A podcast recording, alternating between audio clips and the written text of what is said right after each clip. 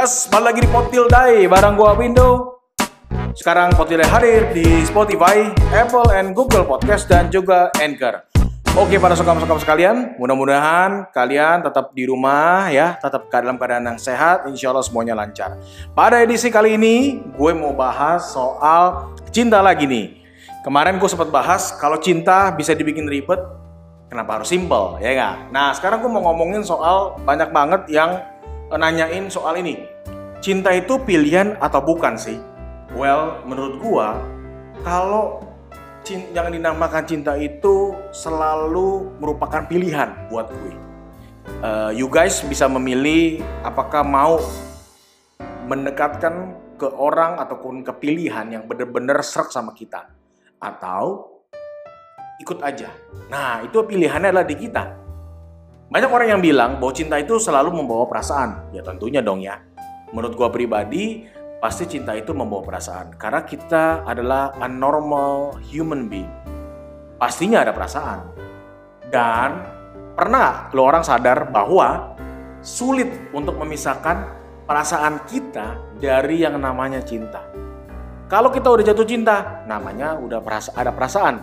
Perasaan cinta, perasaan sayang ke pasangan kita kegebetan kita. Mau nggak mau adalah satu kesatuan yang nggak bisa dipisahkan antara perasaan dengan cinta. Maka daripada itu gue selalu bilang cinta itu adalah pilihan, tetapi nggak bisa dipaksakan. Ya gitu ya menurut gue ya. Lalu gue mau bahas sedikit soal begini. Banyak banget uh, quotes-quotes ataupun uh, peribahasa ya yang menyinggung soal cinta itu pilihan. Gue mau uh, ucapin atau mau utarain uh, eh, 5 quotes yang selalu terngiang-ngiang buat gue dan gue akan bahas. Kenapa? Siapa tahu dengan quotes ini para sokap-sokap bisa menentukan yang lagi deket sama pasangan, eh, yang lagi deket sama gebetannya, yang udah deket sama pasangannya, makin direkatkan lagi dan benar-benar bisa memilih bahwa dia adalah cinta gue. Asik kan ya? Oke, yang pertama ada quotes bilang begini. Jika seseorang mau berkomitmen dalam hubungan percintaan, maka ia akan bertahan dalam situasi tersebut. Jika seorang mampu, maka ia akan terus memperjuangkan pilihannya. Jika tidak keduanya, maka seseorang itu akan melepaskan pilihan cintanya. Nah, ini kok cocok banget ya. Ini menyinggung ke cinta itu pilihan atau bukan. Kenapa? Kalau orang itu berkomitmen, kalau pasangan atau gebetan kalian yang berkomitmen dalam menjalankan hubungan percintaan, berarti doi sudah memilih bahwa you lu adalah orang yang disayanginya, lu adalah orang dicintainya. Tetapi kalau orang itu nggak ada komitmen, nggak mau memperjuangkan cintanya terhadap kalian, itu namanya cinta itu benar-benar pilihan ya. Lu yang memilih, gak mau aku sama doi, gitu ya. Yang kedua, kehidupan cinta itu memberikan banyak pilihan. Pilihan yang kita pilih akan menentukan masa depan kita. Maka daripada itu, yang tadi gue gadang-gadang di depan, yang gue sebutkan di depan, cinta itu adalah pilihan. Kenapa penting dalam memilih cinta? Karena masa iya kita tidak mau memilih yang terbaik untuk masa depan kehidupan kita? Masa iya kita tinggal nerimo aja? Masa iya kita tinggal memaksakan apa yang harus terjadi dalam kehidupan cinta kita? Ya kan enggak. Dulu memang sempat terjadi di zamannya Siti Nurbaya di mana dikawin paksa sama orang tuanya. Tetapi sekarang jawabannya udah berubah, bos-bos Q sekalian, para sokap-sokap mania. Kenapa? Karena zaman sekarang begitu banyak pilihan, kita yang datang, kita yang milih, kita yang decision, kita yang putusin. Kita gak boleh terjebak dalam satu pilihan.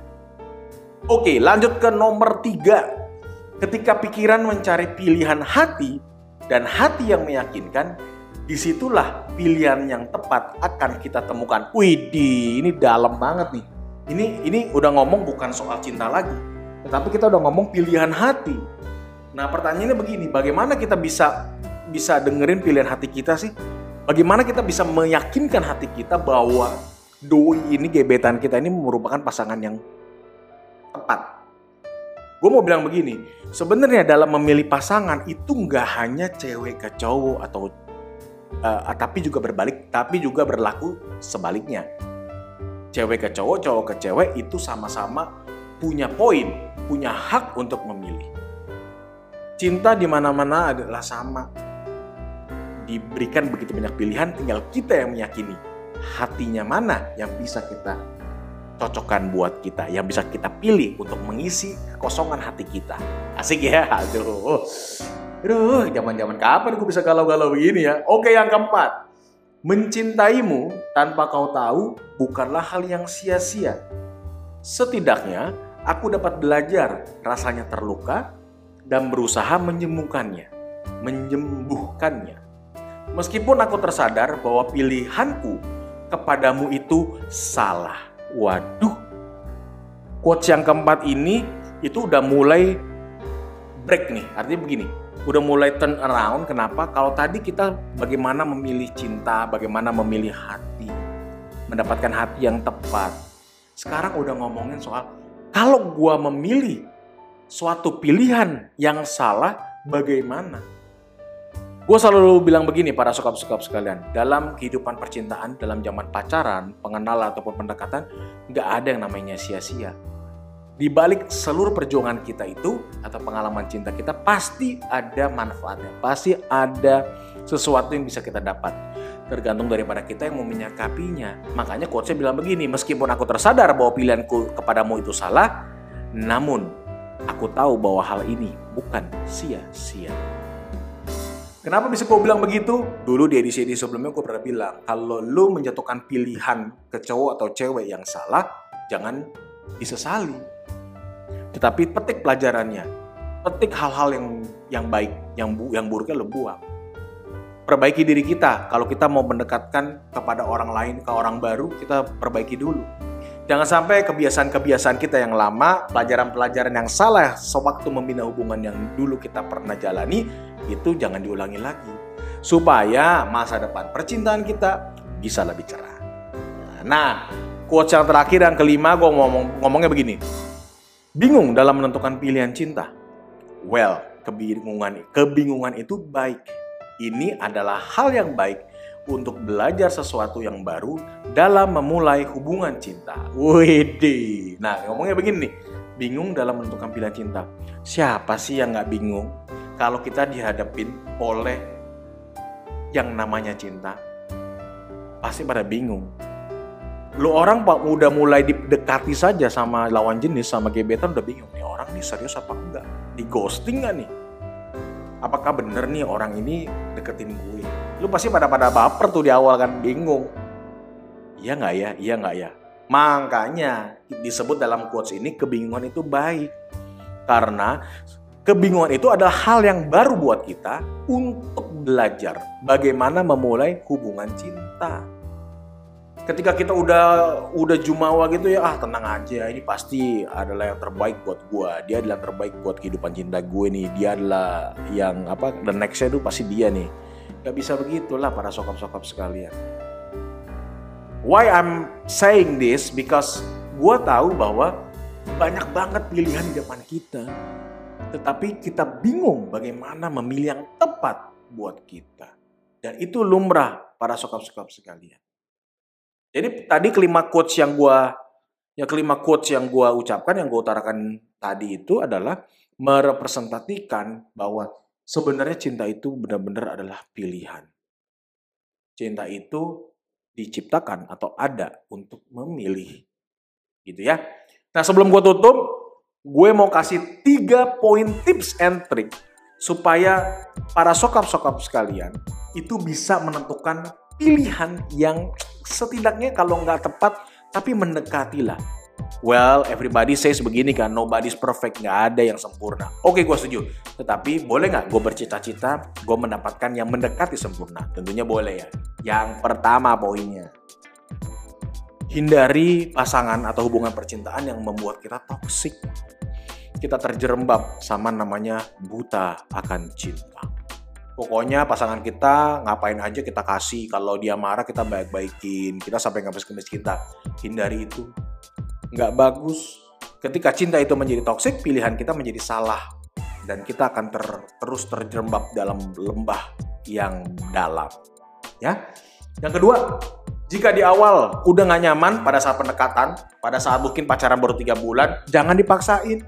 Jangan diiya-iyain, jangan diterima begitu aja tanpa ada komunikasi itu pasti akan berantakan ke depannya. Dan lu akan lagi menyalakan pilihan yang udah dibuat di awal. Jangan ya para sokap-sokap.